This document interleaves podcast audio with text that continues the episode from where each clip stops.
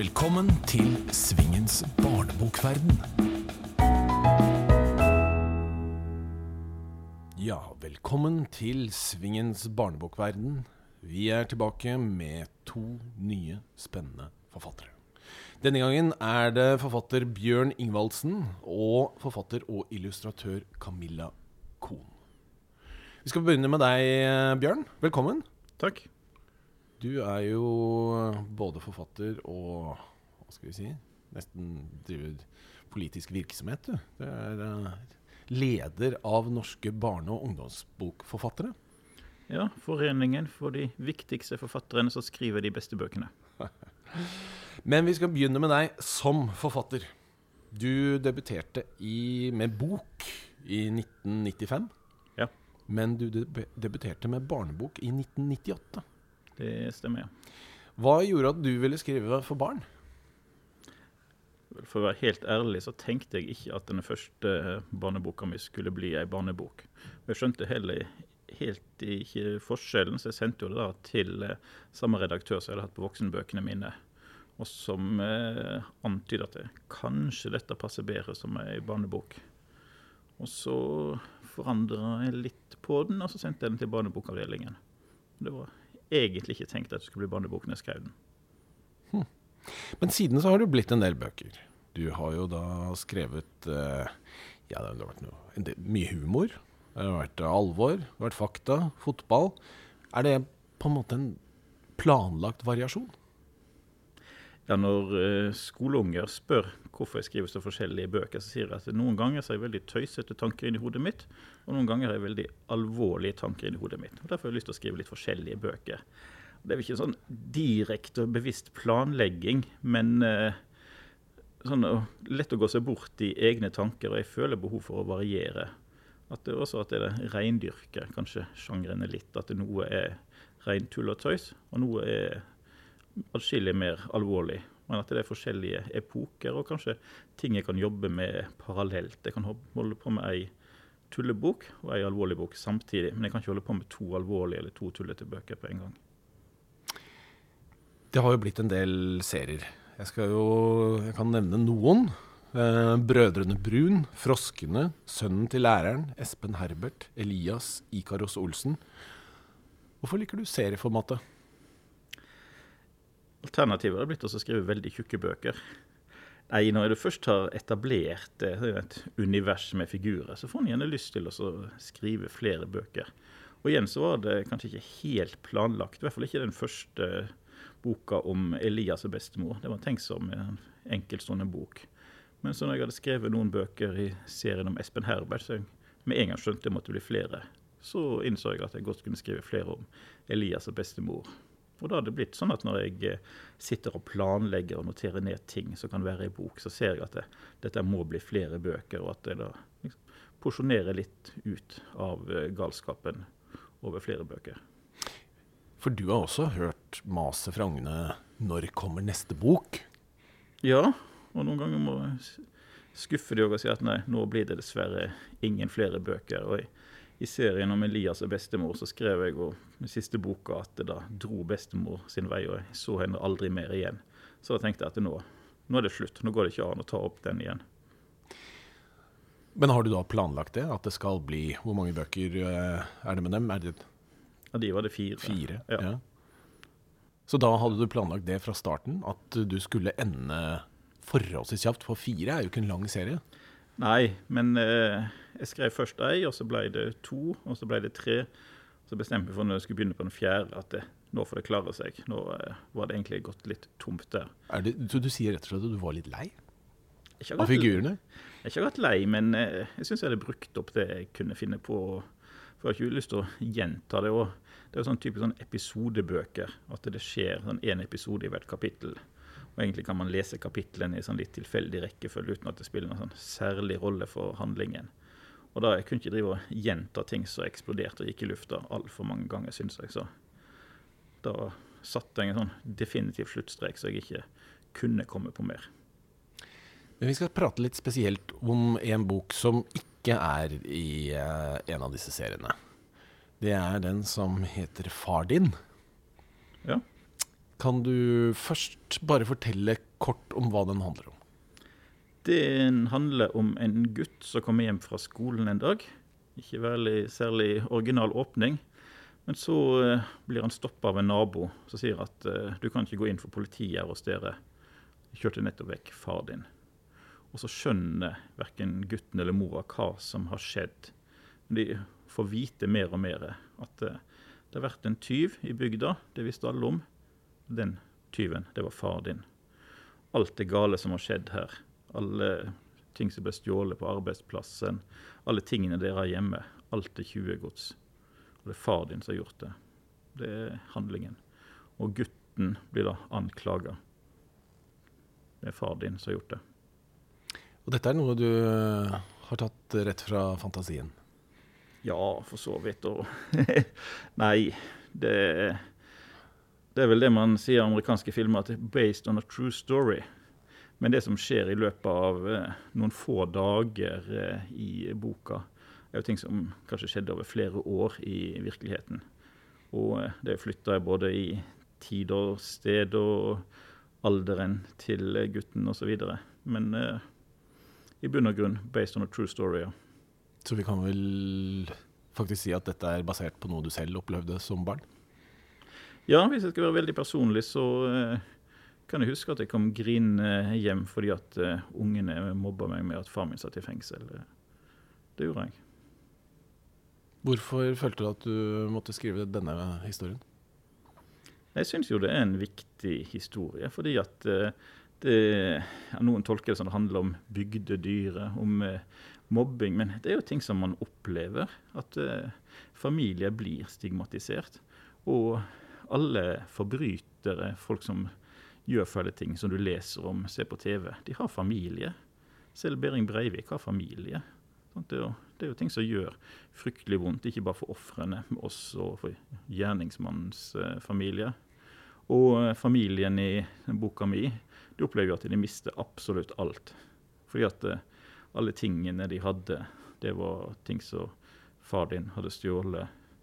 Alle pengene som de trodde de hadde i banken, var brukt opp arbeidsplassen hans eh, forsvant jo selvfølgelig. Han fikk sparken, og med den leiligheten som fulgte med, med jobben, ble borte.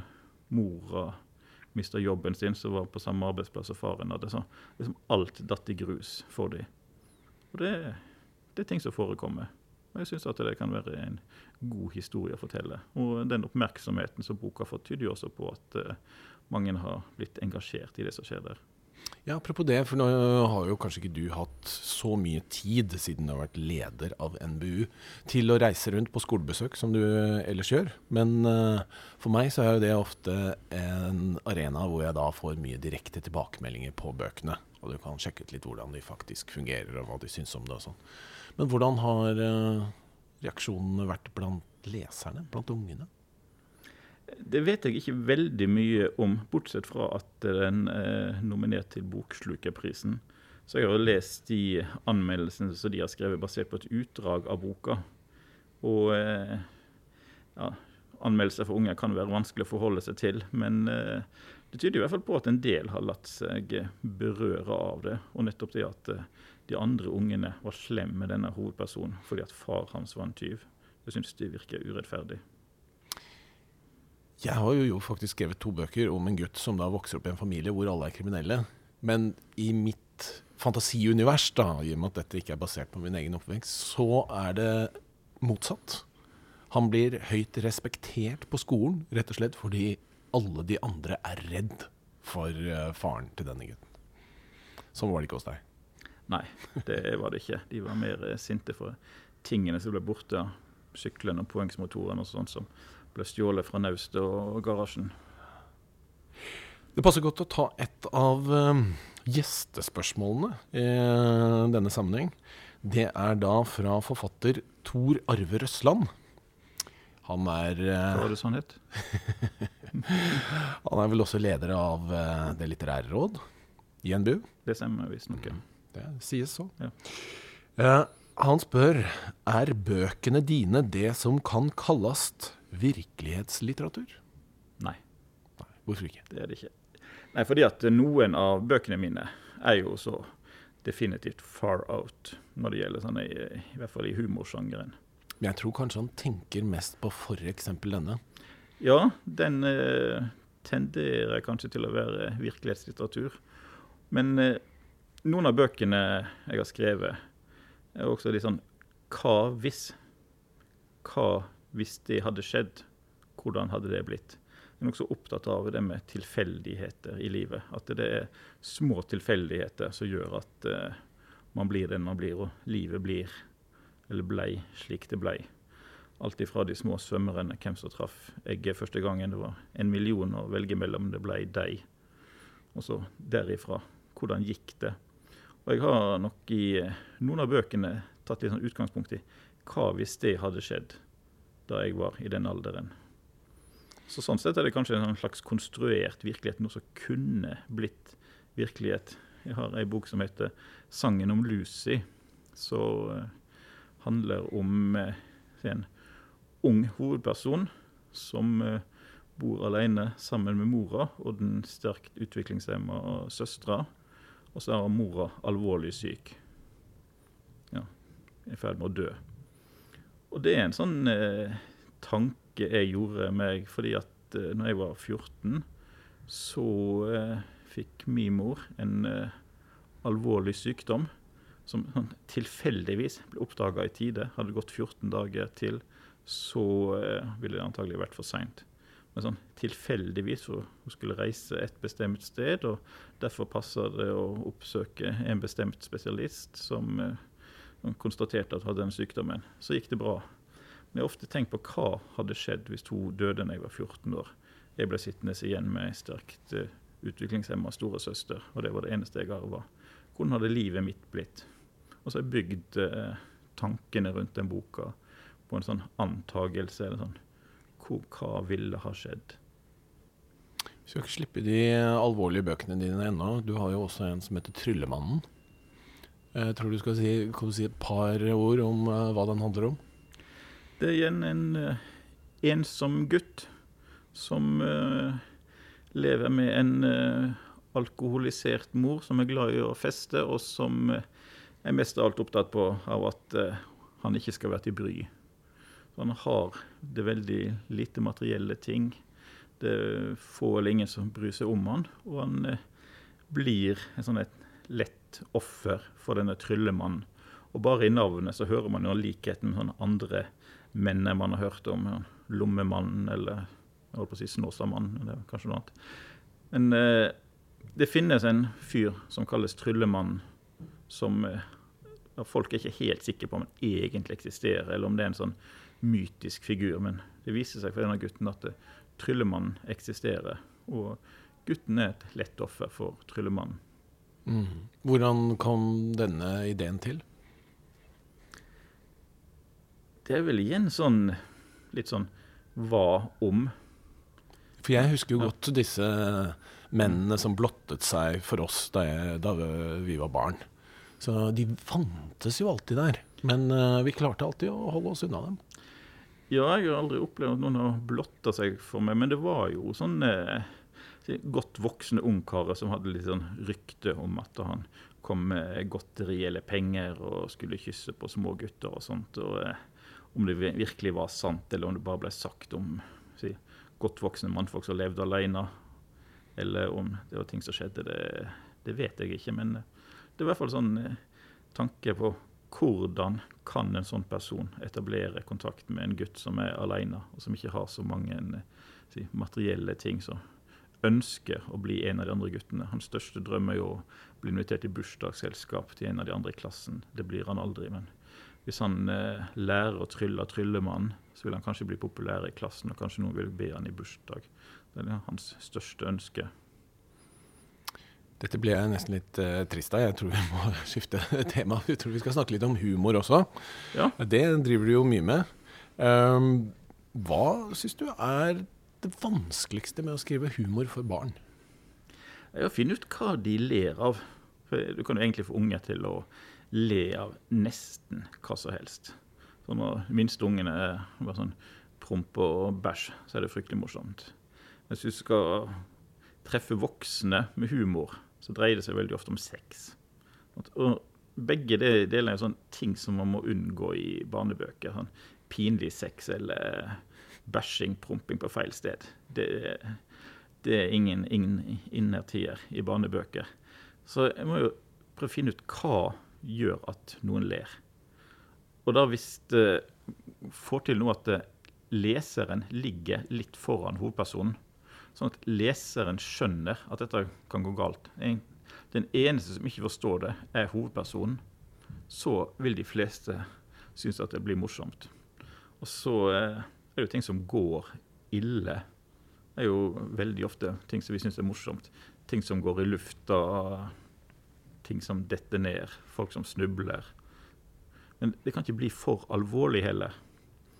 Sånn at jeg sier ofte at eh, hvis du ser noen kaste ei bløtkake i ansiktet på noen, så er det morsomt. Men hvis noen kaster en murstein i ansiktet på noen, så er det ikke morsomt.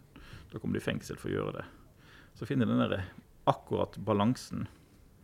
Og så eh, er vel også overskriften, eller oppskriften min, at eh, når noe går galt, hvilken utveier finnes det? Og så alltid velge den verste. Er det 100 løsninger, ta den verste. Aller verste som kan komme til å skje i den situasjonen. Men syns du det er vanskelig å skrive humor for barn?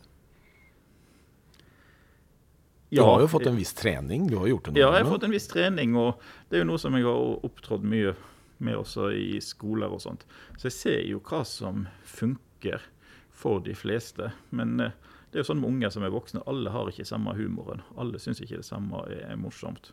Og noen ganger syns jo de ting, noen syns jo at de tingene som ikke var tenkt å være morsomt, blir, blir veldig morsomt allikevel. Sånn at det, det er igjen vanskelig, men sånn er det nok nesten uansett hva man skal skrive. Om det er for unger eller voksne. Man klarer ikke å treffe alle hele tiden bestandig. Men hender det at du legger inn noe som du vet går litt over hodet på ungene, men som kanskje treffer den voksne leseren? Ja da, det gjør jeg. F.eks. navn på personer og sånt. Så kan jeg gjerne sånn, la sånn litt sånn stikk til de voksne. også. det er heller ikke den eneste som gjør. Sånn I forrige måned så gikk den der adventkalenderen på TV som familien Hagerup hadde lagd. Og en av nissene som het Moranisse. Det syns jeg var ustyrtelig morsomt, da, men det er jo sånne ting som ingen av ungene skjønner. Så man kan godt legge inn sånne små karameller til de voksne. Og det er kanskje noe jeg har lært fra Donald-bladet. at det en del sånne navn på personer og sånne titler og sånt. Er sikkert ikke noe som unger skjønner, men voksne tar det. Så blir det sånn litt flere lag i en historie. Som sagt så har vi da gjestespørsmål i eh, disse programmene. Og vi har også fått inn et eh, gjestespørsmål fra en som du eh, har jobbet ganske nært med. Det er Ellen Liland. Hun jobber i NBU. Så dere har nok tilbrakt en del timer på kontoret sammen. Og hun skriver Jeg har jobbet sammen med deg, Bjørn, i snart seks år. Du kommer før meg på jobb og går etter. På disse seks årene har du skrevet 15 bøker. Hvor mange timer etter en lang dag på jobben sitter du og skriver? Hender det at du på slutten av jobbdagen får skriveideer og bare venter på å få komme på hybelen din? Nei, hvis jeg får svare på det første sitt, så gjør nok ikke det. Men jeg har alltid sånn skriveideer fra dagen før. For jeg slutter alltid en sånn skrivebokseanse med å notere ned ideene til eh, neste dag. Hva, hva mer var det hun spurte om? Nei, altså hun lurer på om du da sitter bare og venter på å gå hjem fra jobb. Eh, men samtidig så sier hun jo nesten det motsatte, fordi du er der både før henne og etter henne. Ja, det stemmer. Ja. Hun jobber en full dag, eh, Ellen. Ellen jobber en full dag, ja. Definitivt. Men ja, som du sier, så bruker jeg sånn eh, tid på kveldstid også. Og sitter og jobber med egne ting. For det hører jo med til historien at du bor jo egentlig ikke i Oslo, hvor NBU har sine kontorer. Du bor i Sandnes. Jeg bor i Sandnes, ja. Ja. Så du pendler, og det betyr at du har denne hybelen, hvor du da sitter på kvelden og pusler litt. Ja. Men betyr det nå at For nå skal jo du gå av som den store leder av NBU etter disse seks årene. Ja. Og betyr det nå at det blir enda flere bøker? Ja, nå har, Høyere jeg jo, frekvens? nå har jeg jo vært nede i sånn to bøker i år, og sånt, og det syns jeg er litt lite. Så jeg tenker jo kanskje å skrive flere bøker. Men jeg håper jo òg å få tid til å skrive litt voksenbøker, for jeg har noen voksenbøker på blokka som jeg aldri har fått tid til å begynne på, men så jeg håper jeg skal få anledning til å skrive nå når jeg er ferdig som leder i NBU. Men definitivt viktigst kommer nok barnebøkene til å være for meg. Mm. Vi skal uh, snakke litt om uh, din tid som uh, leder av NBU, som igjen står for Ja, nå må jeg tenke meg om. norske, norske bygdeungdomslag. Nei da, det står for Norske barne- og ungdomsbokforfattere. Det er en sånn munnfull å si. Men. Det er det. Er dette et laug eller en fagforening? Ja. Nei, nei og ja. Det er vanskelig å svare på. Jeg vet egentlig hva som er forskjellen på et laug og en fagforening. Om legeforening, om det er et laug eller en fagforening. Men i hvert fall i min tid så har jeg tenkt mest på det som en fagforening. At vi er der ikke for å gi hverandre sånn støtte i skrivearbeidet og være sånn kreativt forum. Det er det lite vi får til. Vi prøver å få til litt av det òg, men det er mest av alt det å hjelpe folk med problemer. Ordne opp i ting. Sørge for at et kollektivt avtaleverk og eh, aller mest enkeltmedlemmer som har problemer, at vi kan hjelpe de i det. Men dere hjelper ikke bare medlemmer? Nei, vi er forplikta til å hjelpe alle forfattere. Og selv om definisjonen på forfatter nok er at du har publisert, så hjelper vi òg folk som ikke har fått gitt ut bøker, men som er i startfasen, og som eh, kanskje lurer litt på hvordan de skal forholde seg til forlagene. Et spørsmål jeg får veldig ofte er om de kan sende inn manus til mer enn ett forlag samtidig. Jeg lurer på hvor mye de vil få betalt. Og så hører vi veldig mye fra folk som har gitt ut bøker på små forlag. Det kalles sånn tulleforlag. Som der forfatteren må være med å betale, enten ved å selge på forhånd et visst antall hundre bøker, eller at de må gå inn med en sum vi kan ta noen fakta også om uh, foreningen. Hvor mange medlemmer er det omtrent? Hvor mange barne- og ungdomsbokforfattere er det i Norge? Det er vel egentlig ja, nei, Det siste det vet jeg ikke. Men uh, ja, av og til har jeg inntrykk av at det er halvparten av Norges befolkning. Men hvor mange medlemmer? Vi nærmer oss 350 medlemmer. Og hva er kriteriene for å bli medlem? Man må ha gitt ut uh, to bøker, og de skal holde en viss litterær kvalitet. Og så skal det også oppleves som at det er to forskjellige bøker. Altså at det ikke er sånn del én og to av eh, samme historie. Og Det pleier jeg å illustrere med sånn eksempel for voksenbokverden at Knausgård 1-6 vil i en sånn sammenheng antagelig blitt oppfatta som ei bok, selv om det er seks tjukke bøker. Men at det må være to bøker som, eh, selv om de er en serie, at det er sånn to individuelle verk. Så det blir kvalitetsvurdert av eh, seks kompetente personer. Hvorav ingen av dem er deg. Ingen av dem er meg. Så jeg er ikke med å bestemme hvem som blir med. Så det hjelper å kjenne Tor Arve Røsland, som vi var innom. Han er da leder av dette litterære rådet, som er de seks personene. Tror ikke det hjelper mye å kjenne han, altså, men uh... Nei. Men, så, så du, det, du hjelper er, det som hjelper, er rett og slett å skrive gode bøker, kanskje? Det er det eneste som hjelper. Skrive gode bøker, så får du bli medlem i en bu. Hvis du har lyst til å bli medlem. Men du har jo da ikke bare vært eh, leder i seks år, du har i tillegg sittet i styret i ganske mange år. Uh, har du mange år blir det til sammen? Eh, jeg satt i styret i seks år. Ja, så var jeg ute av bildet i ett år, og så har jeg vært leder i seks år. Men likevel, hvis vi tar de 12-13 årene, da. Mm. Uh, syns du at Hva har forandret seg i løpet av de årene, syns du? Jeg tror det har skjedd mer i min lederperiode enn det har skjedd de siste 70 årene før det. Fordi at vi har fått inn dette elektroniske. E-bøkene har dukka opp. Selv om vi hørte eh, om e-bøker for 10-15 år siden, så er det først de siste 5-6 årene at e-bokmarkedet har kommet inn. Og det er kompliserte ting å skulle forholde seg til når det gjelder avtaler. Nå lurer vi på med biblioteksutlån av e-bøker, som er veldig vanskelig å håndtere. Og også nye måter å eh, publisere lydbøker på. Før så eh, kjøpte man lydbøker i butikken. Avtaleverket vårt til for få år siden er basert på at lydbøker fantes på kassetter. Så kom det på CD-er, men nå er jo nesten all lydbokmarked filer som man kjøper og laster ned. Og også nå da strømming, at man abonnerer på strømmetjenester for, eh, for lydbøker.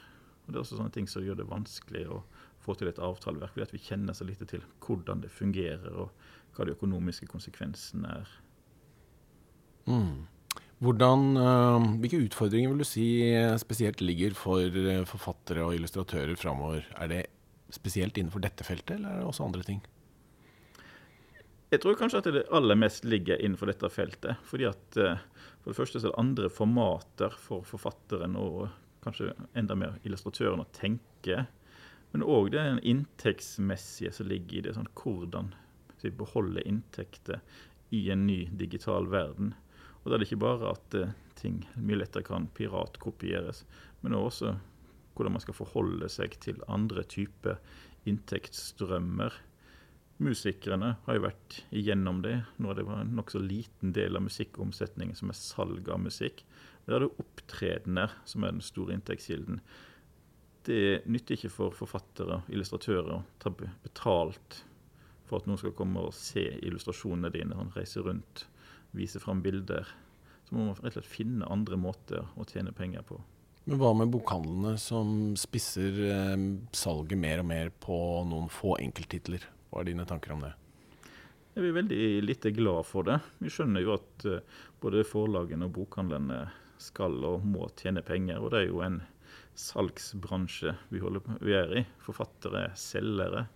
Man lager et produkt som man tilbyr en ene leverandør som skal selge det. Men eh, vi vil jo gjerne at alle bøkene skal bli vist fram. Alle skal få en mulighet. Men dessverre så er det jo sånn at eh, noen bestselgere er de som havner på de store tilbudsbordene, kommer på store plakater i butikkene. Der de forlagene vet at de vil tjene mye penger på, og kan satse. Og vi vet også hva som er mekanismene bak at nettopp den boka havner der. Det er ikke bare fordi at det er noen i den bokhandelen syns at det er knakende god bok at de legger den fram. Det er noen som har bestemt det, og da ligger det en økonomi bak det. Men nå har du også brukt så mange år på å tenke på forfatteres rettigheter og jobbe spesielt med det. Det blir ikke litt tomt da, når du plutselig skal slutte med det? Jo, og det å ikke skulle få, få lov til å bestemme sånn, Sitte og irritere seg over at dette her er jeg ikke enig i, også måtte brenne inne med det. At jeg bare har Ingeborg å kjefte på og ikke kan ta det ut på all, alle andre. Ingeborg er kona di? Ingeborg er ja. kona mi, ja. Ofte når noen spør hva jeg gjør, så pleier jeg å si at jeg bruker mesteparten av tida til å kjefte på voksne folk. Enten det er ja, til dels medlemmer som har gjort dumme ting, veldig ofte forleggere, bokhandlere osv. Men nå det bare, blir det bare Ingeborg og katten jeg kan kjefte på. så det blir ille for de to, i hvert fall. Men du skal slippe å kjefte noe mer uh, her i denne podkasten. For uh, nå skal vi få inn en gjest til. Og hun er jo helt umulig å kjefte på. Det er nemlig Camilla Kohn. Hun er forfatter og illustratør. Velkommen, Camilla. Takk for det. Mm -hmm. Du har kanskje andre som kjefter på deg? Uh, ja, jeg syns jeg generelt får ganske lite kjeft, jeg. Ja. Uh, eneste må vel kanskje være sånn i forbindelse med at jeg går tur med hundene mine og sånn. Da får jeg litt kjeft. Ah, men dyrene dine skal vi komme tilbake til. Det er bare så det er sagt. Ja. Det er mange som vet at du er uh, opptatt av dyr. Ja. Men uh, selvfølgelig, du kjenner jo da godt til uh, Bjørn. Ja, jeg gjør jo det. De fleste som uh, skriver eller illustrerer i Norge, gjør jo gjerne det. Ja, Nei, jeg har jo vært medlem, og er medlem, i NBU i mange år. Jeg begynner å bli noen år nå. Og sitter også i det litterære rådet, som dere snakket om i stad. Så ja, jeg har tilbrakt mange timer sammen med Bjørn og resten av styret og rådet og sånt, så jeg kjenner han godt. Så du vil, vil, du også påstå at det ikke hjelper å kjenne deg hvis man skal komme inn i NBU? Uh, eh, ja. Det vil jeg, vil jeg, påstå. Nei, altså Nå er det kanskje sånn at uh, de aller fleste i, som jobber med barnelitteratur i Norge, kjenner hverandre sånn i større eller mindre grad. Så der står alle likt. altså det, er, jo en liten, et lite miljø, sånn som eh, Bjørn snakket om at det er 350 medlemmer. Eh, og vi treffer hverandre jo i, på, altså i forskjellige fora hvor uh, man uh, på en måte er ute med litteraturen sin. Da. På forlag eller på festivaler, også i NBU og sånn. Mm. Så um, man blir jo kjent med hverandre. Og det er jo alltid altså man, dette problemet med bukken og havresekken og kameraderi og slike ting vil jo kanskje alltid komme frem og opp. Men uh, det er nå engang bestemt at sånn ønsker man å ha det. At det er folk som er utøvende selv, som uh, sitter i det litterære rådet. Og som da er uh, forhåpentligvis uh, godt rusta til å vurdere litteraturen. Du føler deg godt rusta? ja, sammen med de andre. Jeg er veldig glad jeg ikke må sitte her alene og, og, ta disse avgjørelsene. Det er veldig godt at vi er såpass mange som vi er, som leser grundig. det er mye diskusjoner, av og til heftige diskusjoner.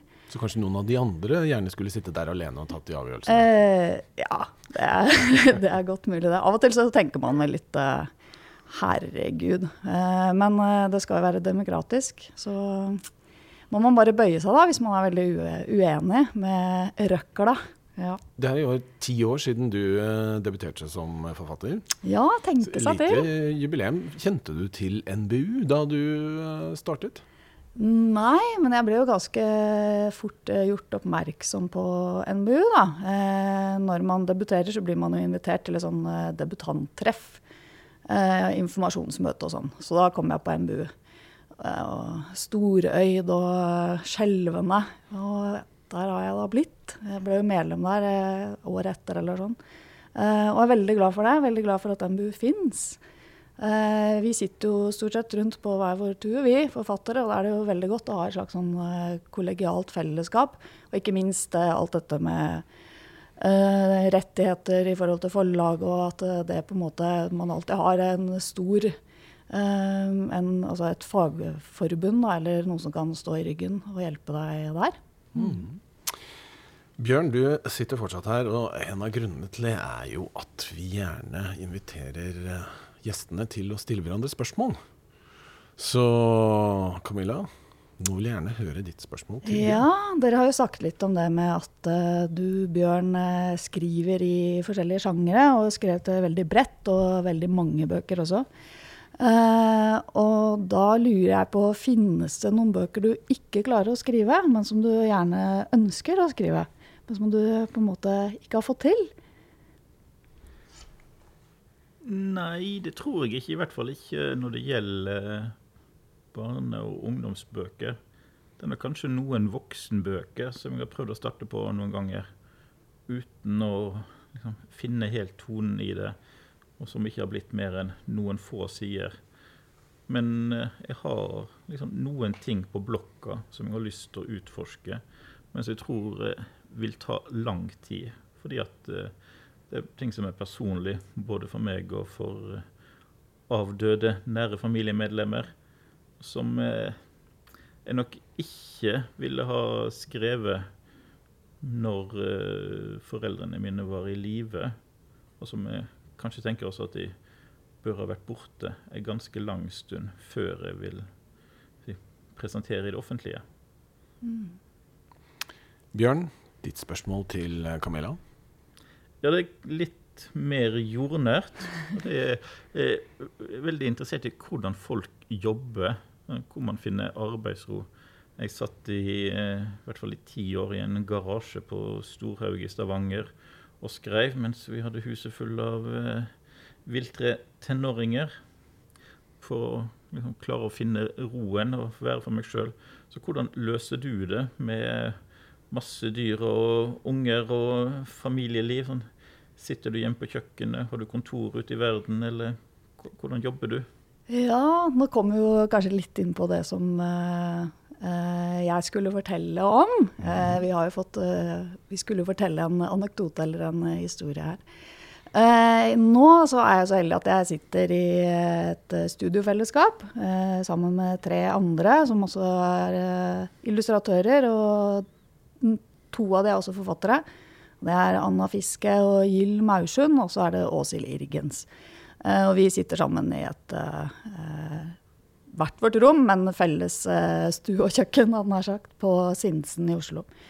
Men eh, jeg har jo tidligere, altså når jeg eh, skrev uh, Gorm er en snill orm og Samira skjelettene, så skulle jeg sitte hjemme og jobbe, og har jo veldig mye dyr. Uh, og særlig på den tiden hvor jeg skulle skrive 'Gorm er en snill orm', så hadde jeg valp. Uh, og han var veldig inkontinent. så jeg måtte Og han var sånn at hvis han så meg, så begynte han å tisse. seg. av en eller annen grunn, så jeg måtte på en måte liksom gjemme meg. da, Og da var jo det greieste å gå ut av huset, ut av døra. Så måtte jeg på en måte forlenge dette her uh, mer og mer. Uh, og begynte da å sitte ute i bilen. Og satt jo der og tenkte ja, nå kan jeg jo kanskje prøve å skrive litt, eller sånn. Så jeg begynte da faktisk å sitte i bilen og skrive den boka. Og fant ut at det var litt sånn kleint å sitte foran blokka i bilen, så jeg kjørte den til en sånn parkeringsplass utenfor Krigsskolen på Linderud. For der var det sånn litt i skogen, og så var det litt sånn skjerma, og så var det lov til å stå der, da. Så jeg satt der eh, omtrent en hel sommer, i hvert fall. Eh, og der ble etter hvert liksom oppmerksom på et, et, et, litt sånn samfunn da, som uh, uh, var der. Det var uh, flere som kom dit i bilene sine, som hadde sånn faste ting de gjorde. Det var annet et pakistansk kjærestepar som pleide å være der en stund. og det var et eldre ektepar som kom med campingstoler og bord og pleide å sitte og spise lunsjen sin og sånn. Men jeg satt jo der i bilen og skrev. Jeg hadde et sånt tre hvor det var et sånn fint ansikt på, da, som jeg gjerne parkerte foran. Han var liksom, jeg var litt sånn som han i Castaway, vet du, som hadde sånn kokosnøtt med ansikt på, som han snakket med sånn. Jeg var litt der, da. Men så Dette var jo ved siden av krigsskolen, og der var det jo masse sånne krigsskoleungdom. Sånne studenter. og jeg pleide ikke å se så veldig mye til de, men så var det på et eller annet tidspunkt så drev de med noe sånn landoppmåling rundt der.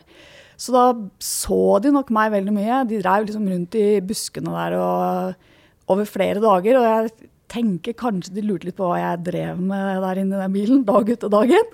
Og av og til så gikk jeg liksom rundt bilen og tenkte litt og, og liksom eh, dramatiserte handlingen fra boka og sånn, da. Det gjør man jo ofte, gjør ikke dere også? Eh, men i hvert fall så plutselig en dag så fikk jeg se at det var eh, noen som muna meg i et vindu i en sånn brakkebygning da, foran uh, parkeringsplassen her. Og så viser meg rumpa si da, i vinduet. Og da ble jeg jo helt sånn uh, rumpe, rumpe, rumpe, rumpe. Og da skrev jeg faktisk inn den rumpa i 'Gorm er en snill orm'. Så hvis noen leser den boka og legger merke til en rumpe som er med i handlingen der, så er det altså da til den der kadetten som viste rumpa si på parkeringsplassen på Linderud ved Krigsskolen. Og det er jo du som har tegnet denne rumpa, så den er helt identisk med den du den så. Den er helt identisk. Mm, så man ja. kan kjenne si, igjen sin egen rumpe eventuelt. Da, ja, gjorde, ja, ja. Dette, så, ja. Så bra. Det er jo nok ikke så mange som har skrevet de fleste bøkene sine i biler. Det, nei, nei, Du har slutta med det nå? eller? Jeg har slutta med det, så nå sitter jeg bare Men jeg savner det litt av og til. Altså, når man sitter i en sånn liten uh, lukka boble uh, uten internett, uh, da er det ikke så veldig mye annet du kan gjøre enn å faktisk jobbe da. Jeg merker jo det, jeg blir veldig lett distrahert av ting og Facebook og folk og annen moro. Diskusjoner og sånn. Så jeg kan av og til synes, særlig når jeg skriver, så syns jeg ofte det er vanskelig å kanskje gjøre det i et sted hvor det er mye annet som skjer. Da. Så det hender jo at jeg velger å sitte hjemme eh, fortsatt. Mm. Bjørn, vi er jo historiefortellere, og jeg har utfordret deg til en liten forfatteranekdote også. Ja, og de beste anekdotene jeg har å fortelle, de bør egentlig få bli på NBU-kontoret. Taushetsbelagte grunner. Ja, jeg syns likevel du kan bare fortelle dem. Det, det går fint, det, altså. ja. Jo, det var noen som var veldig fulle, så var det i Syden. Og, nei, jeg tror vi dropper det. En historie jeg har lyst til å fortelle som jeg syns er litt artig, det var jeg var på turné på Bømlo, ei øy på vestlandskysten. Og besøkte jeg tror alle barneskolene på øya. Når jeg kom til den ene skolen, så hadde de da fått beskjed fra antagelig biblioteket om at Bjørn Ingvaldsen skulle komme på besøk den, dagen. Men eh, rektor som hadde fått beskjeden, mente at jeg kunne ikke stemme, for eh, det var en lokalpolitiker på øya som het det samme som meg. Og han skulle ikke på noe forfatterbesøk. Så de hadde funnet ut om at det var Bjørn Sortland som skulle komme på besøk. Og det hadde de da forberedt seg. Og ungene de hadde da vært flinke og laget mange gode spørsmål til Bjørn Sortland. Men eh, siden jeg så kom, så eh, klarte de ikke å omstille seg og tenke nytt. Så de da stilte spørsmålene, så tenkte Bjørn Sortland til meg. Så hva var inspirasjonen til den boka, og hva tenkte du når du skrev den og den? Og sånt. og. Og du svarte i vei, du? Nei, jeg gjorde Nei. egentlig ikke det. Jeg sa at det her kan jeg dessverre ikke svare på. altså det, Jeg er ikke Bjørn Sortland. Men de tok seg ikke nær av det og stilte flere spørsmål som var retta til Bjørn Sortland. Så det ble en nokså selsom affære. Jeg syns du burde ringt opp Bjørn Sortland. Jeg har hatt ham på telefonen, så han kunne svare ungene. Det kan være en idé til neste gang. Hvis vi kommer ut for det neste gang, Ja, ja. så eh, Det skal man ikke Det kan jo hende. Bjørn Ingvaldsen, altså politikeren, kan jo nå langt. Han kan nok nå langt, og jeg regner med at han soler seg i glansen. Men jeg opplever ganske ofte på eh, skolebesøk at de spør etter andre forfatteren. Kjenner du den forfatteren, og kjenner du den forfatteren? Og da pleier å snakke riktig stygt om det. Og, eh, kjenner du Anne Svingen? Så ja, det er en fæl mann. Så ring til han og skjell han ut på telefonen. Så jeg. Hvis noen har gjort det, så vet du hva, okay, hvor det kommer fra. hvor det kommer fra, ja. Ja. Mm. Men uh, tusen takk for det, Bjørn. Og da tenker jeg det er et uh, passende tidspunkt å si takk til deg i denne Vær så god. Hyggelig at du ville komme, for nå skal vi bare konsentrere oss om uh, deg og dine bøker, Camilla. Ja. Du eh, skriver jo og illustrerer. Ja. Var du eh, først eh, en illustratør som ble forfatter, eller omvendt? Eh, jeg var vel en som ønsket å bli illustratør, og som ble forfatter for å kunne bli det. Jeg debuterte som illustratør samtidig som jeg debuterte med bok, da, med tekst.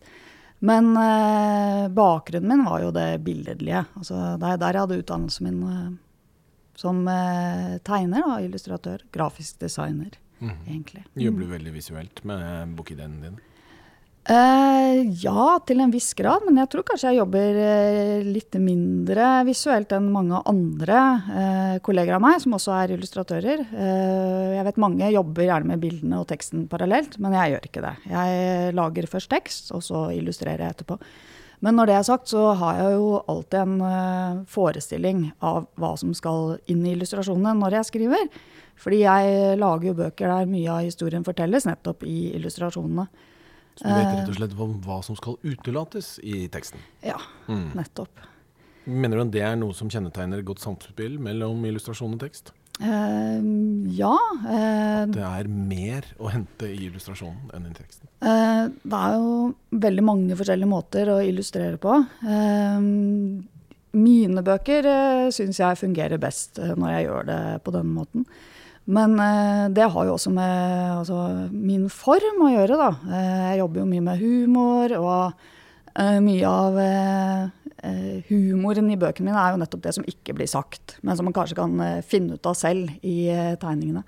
Mens eh, andre typer billedbøker særlig, da, som jeg jobber med, der er kanskje det visuelle sin funksjon er kanskje heller å være en stemningsskaper, eller eh, eh, st- lage nye spørsmål, f.eks.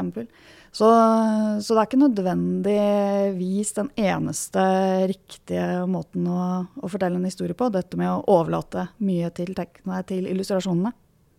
Her passer det godt å ta et eh, gjestespørsmål. Det kommer fra forfatter Mari Moen Holsve. Ja. Hun er vel også nestleder, tror jeg, i eh, NBU. Så hun spør I dine øyne, hva er de viktigste do's and don'ts når man skal skrive illustrert barnelitteratur? Uh, det viktigste uh, vil jeg si er å uh, la det være åpent for illustratøren og være delaktig i boka. Eh, det kan bli veldig kjedelig med bøker som er en tekst hvor bildene på en måte er bare noe å hvile øynene på. Eh, mens eh, mor eller far leser, eller når man selv leser, når man er litt eldre. Så jeg tror det viktigste er jo nettopp det å på en måte som forfatter, da, eller når du skriver teksten, tørre å ikke definere boka helt. Altså tørre at det er et samarbeidsprosjekt. Og hvis du er illustratør selv, så er jo ikke det noe problem. Men det å faktisk eh, overlate rom da, til dette samspillet mellom eh, tekst og illustrasjon, tror jeg er det viktigste. Og det man da ikke må gjøre, eh, det er jo nettopp det motsatte. Eh, det er jo ganske selvinnlysende. Men en annet som jeg kanskje også ikke er så eh, glad i å se, det er eh, der man kanskje har blitt forelsket i en eh, stil, en eh, illustratør sin eh, eh, teknikk eller sånn, men så kler kanskje ikke det din fortelling. Eh, så jeg tror man må prøve å være åpen for at eh, kanskje de som jobber visuelt, har eh, kanskje større forutsetning for å fortelle deg hva slags tegninger som kunne passe din, eh, din historie. Og det vet jeg ikke om alltid folk i forlagene gjør. Men du bruker jo også en del humor. Vi hørte jo Bjørn her snakke om eh, hvordan han jobber i forhold til det å skrive humor for barn. Kjente Ja. du deg igjen i det, eller har du en annen tilnærming? Uh, ja Jeg vet ikke. Jeg jobber med humor fordi det er liksom det jeg får til best. Jeg har jo prøvd å skrive alvorlige og eh, viktige historier og sånt, ja, men det, får det liksom ikke til. Det blir bare sånn banalt eh, kliss, da. Eh, men det er når jeg på en måte bruker humoren min, som jeg får det til, føler jeg. Så Og kanskje min form for humor ligger jo Det er ikke så mye sånn slapstick og sånt, men eh, jeg er litt uenig i Bjørn det der med promp og bæsj, da, for jeg syns det er kjempemorsomt med promp og bæsj i, i bøker. Jeg har jo litt bæsj i hvert fall, jeg vet ikke om det er noe promp. Så- det kan komme senere. kan komme, ja. Så, men eh, jeg liker jo på en måte at humoren ligger i nettopp det eh, å være litt uforutsigbar. Eh, at jeg forteller kanskje en historie som, på en måte som man ikke skulle tro at man kunne gjøre i en barnebok. Eh, og ligge litt sånn eh, på randen for hva som er eh, lov, da. Sånn fra et foreldresynspunkt. Og så syns jeg jo det er gøy å leke med språket. Jeg skriver jo gjerne bøker som er veldig knapp tekst. Og der kan man finne mye humor når man må være veldig direkte og prøve å si ting på en veldig sånn um, nedhøvla måte. Da. Være klar og konsis og minimal, så kan man fortelle ting på en veldig morsom måte. Men Bjørn han eh, putter jo mange av historiene sine da i serier, hvor eh, personene er gjennomgående. Ja. Det gjør ikke du. Nei, det får jeg rett og slett ikke til. Nei. Så Nei, når, når du har skrevet en bok om med et visst persongalleri, så er du på en måte ferdig med dem. Ja, det kan se ut til det. Altså, jeg tenker vel kanskje at eh, bøkene mine er jo først og fremst uh, litt sånn uh, knytta rundt en idé eh, som ikke er Altså har så mye med personene eller de karakterene å gjøre nødvendigvis. Eh, så de kan jo kanskje brukes til eh, en annen type historie ved, ved en senere anledning. Men så langt så har jeg på en måte ikke funnet de ideene da, der jeg kan drive med sånn gjenbruk av karakterene mine. Jeg driver jo lite grann med gjenbruk av Samira, eh, den eh, siste bildeboken som jeg skrev.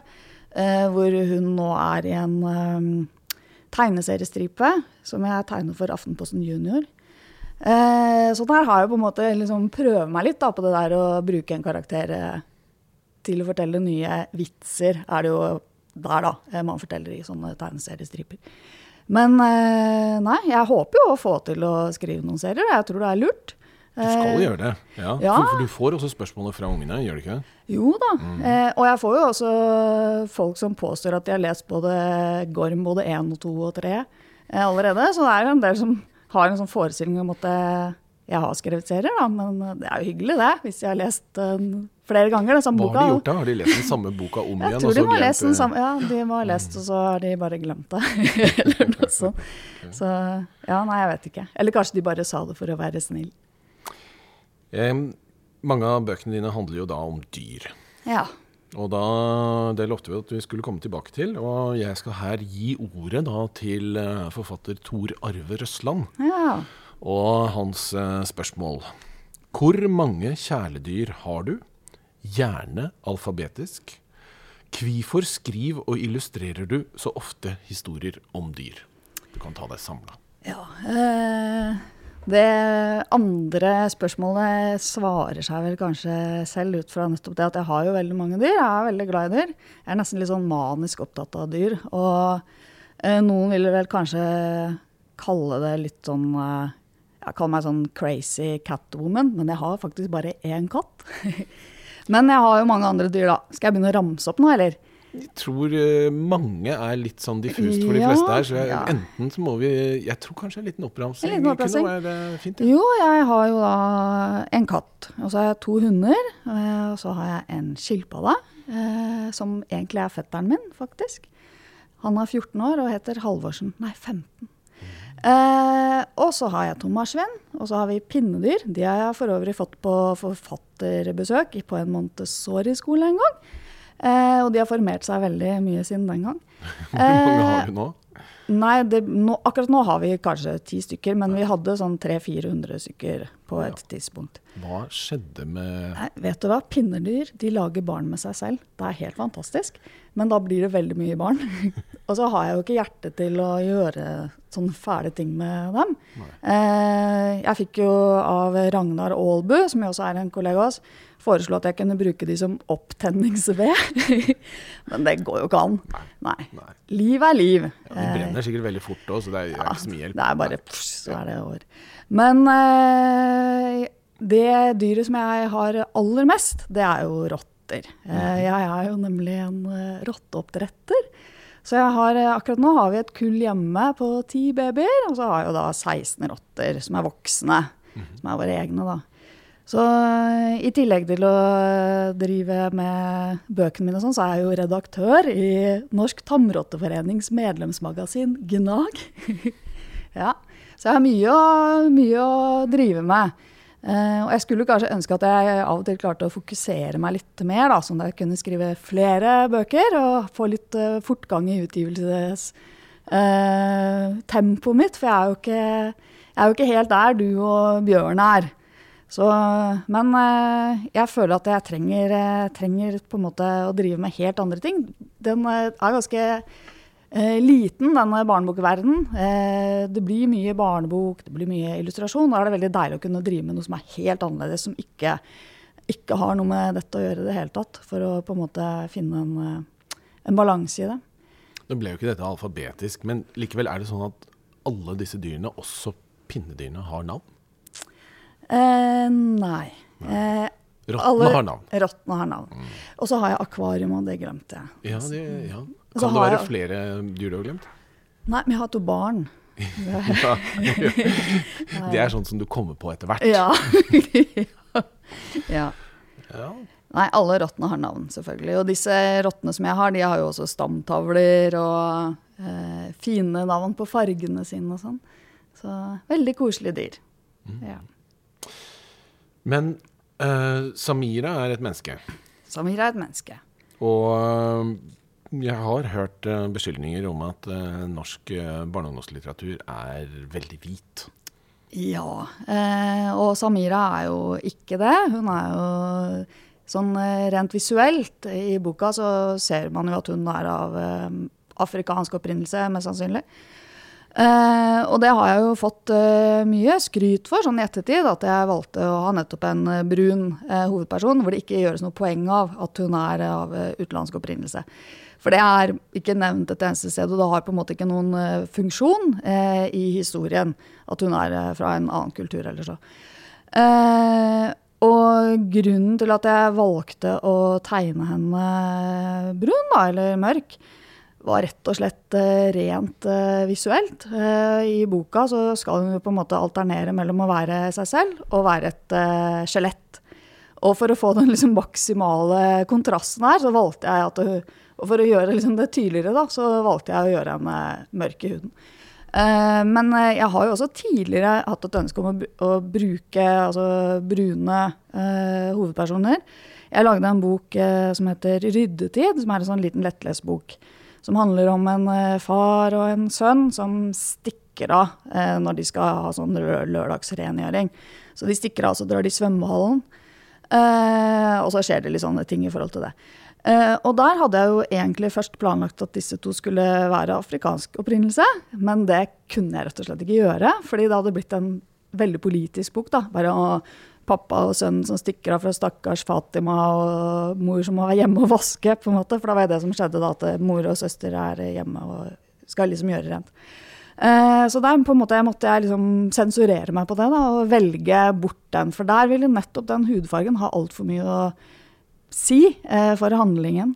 Så eh, man kan jo ønske eh, at vi er kommet så langt i dag at det ikke skulle ha noe å si for handlingen hva slags hudfarge hovedpersonen har, men det gjør det. Og det fordi vi har jo alle slags Vi har jo fordommer om alle typer karakterer. Eh, hvis man har en eh, tjukk mann med bart, så ilegger man han kanskje noen personlige egenskaper. Har man en veldig tynn og blek liten jente, så ilegger man henne noen egenskaper. Og det samme gjør man jo da med folk som ser ut som de er afrikansk opprinnelse. Så jeg tror det er litt naivt å tro at det ikke skulle ha noe å si, da. Men i den boken om Samira så, så forstyrret det ikke, og da valgte jeg å, å la henne være sånn som hun er. Og jeg er veldig glad for at jeg har gjort det, og det fungerer også veldig godt i tegneserieformat, eh, ser jeg nå. Mm. Men selv om du sier at du gjerne vil få opp eh, frekvensen når det gjelder bokutgivelser, så hadde du jo en ny bok i 2016. Ja. 'Lunda på rideskole'. Ja. Og Lunda, det, er det et typisk norsk navn, da? Nei, men Lunda er jo en hest, da. Ja, det er Lunda som går på rideskole. ja. ja.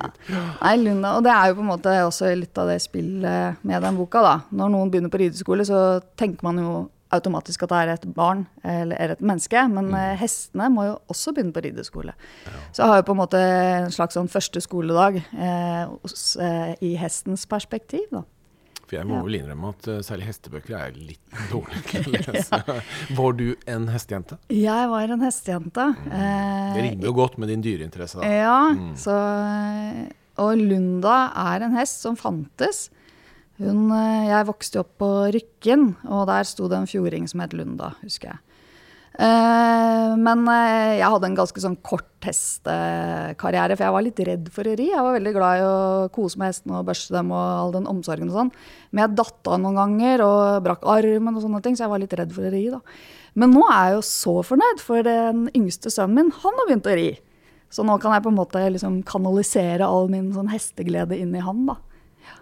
Mm veldig fin arena for å få seg en kjæreste òg, tror jeg. For det er, vel, det er vel, bare han som er gutt der, kanskje? Nei, du vet hva, Jeg vet ikke om jeg skal fortelle dette her, men i stallen på Rykken, da, der jeg rei, der var det mye rart som skjedde.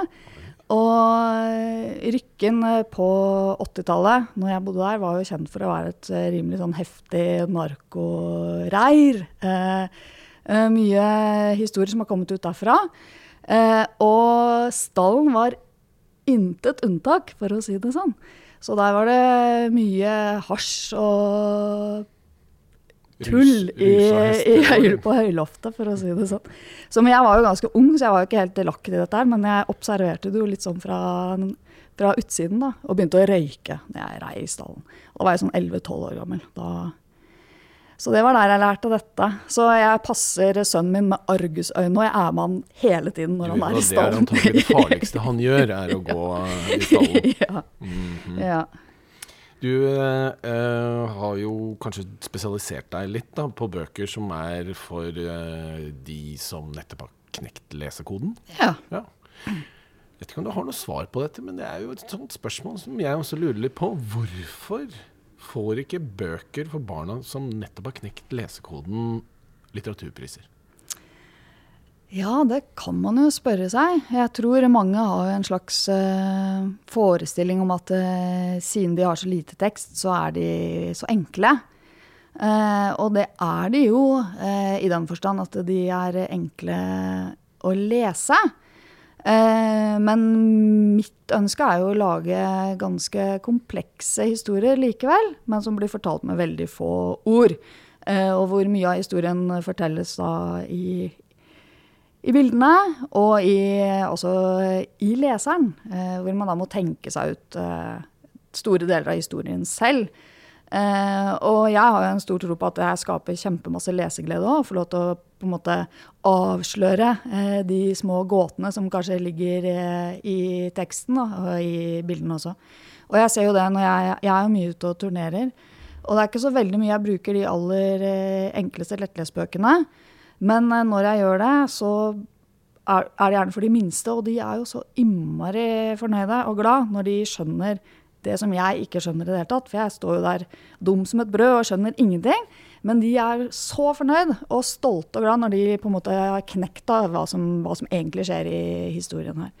Eh, og jeg vet ikke hvorfor eh, den type bøker ikke vinner priser, men jeg tror kanskje eh, man har en forestilling om at det ikke er så mye arbeid som ligger bak. At det er bare én setning på hver side. Det må jo gå kjempefort. Eh, og jeg skal jo ikke legge skjul på at det tar jo kortere tid å skrive en setning enn det tar å skrive et helt kapittel, kanskje i en roman. Men billedbøker får jo ofte priser, og de er Ja. ikke nødvendigvis så mye tekst i heller. Nei, du sier noe der. Ja, nei, det er, det er vel kanskje en slags sånn fordom da, som henger eh, igjen fra eh, den gangen. Lettlesbøker var på en måte Per har en bil, se sola, Siri. Og kanskje man ikke tar seg tid til å gå inn og lese de gode lettlesbøkene som faktisk eh, blir laget nå. da. Og jeg, det er jo ikke bare, altså jeg lager lettlesbøker som eh, ligger ganske tett opp til billedbøker, eh, med mye illustrasjon. Men det finnes jo lettlesbøker i, for alle aldersgrupper. Og jeg tror kanskje lettlesbøkene faller til, eller kommer til kort eh, i nesten, altså langs hele linja da, i forhold til dette med priser.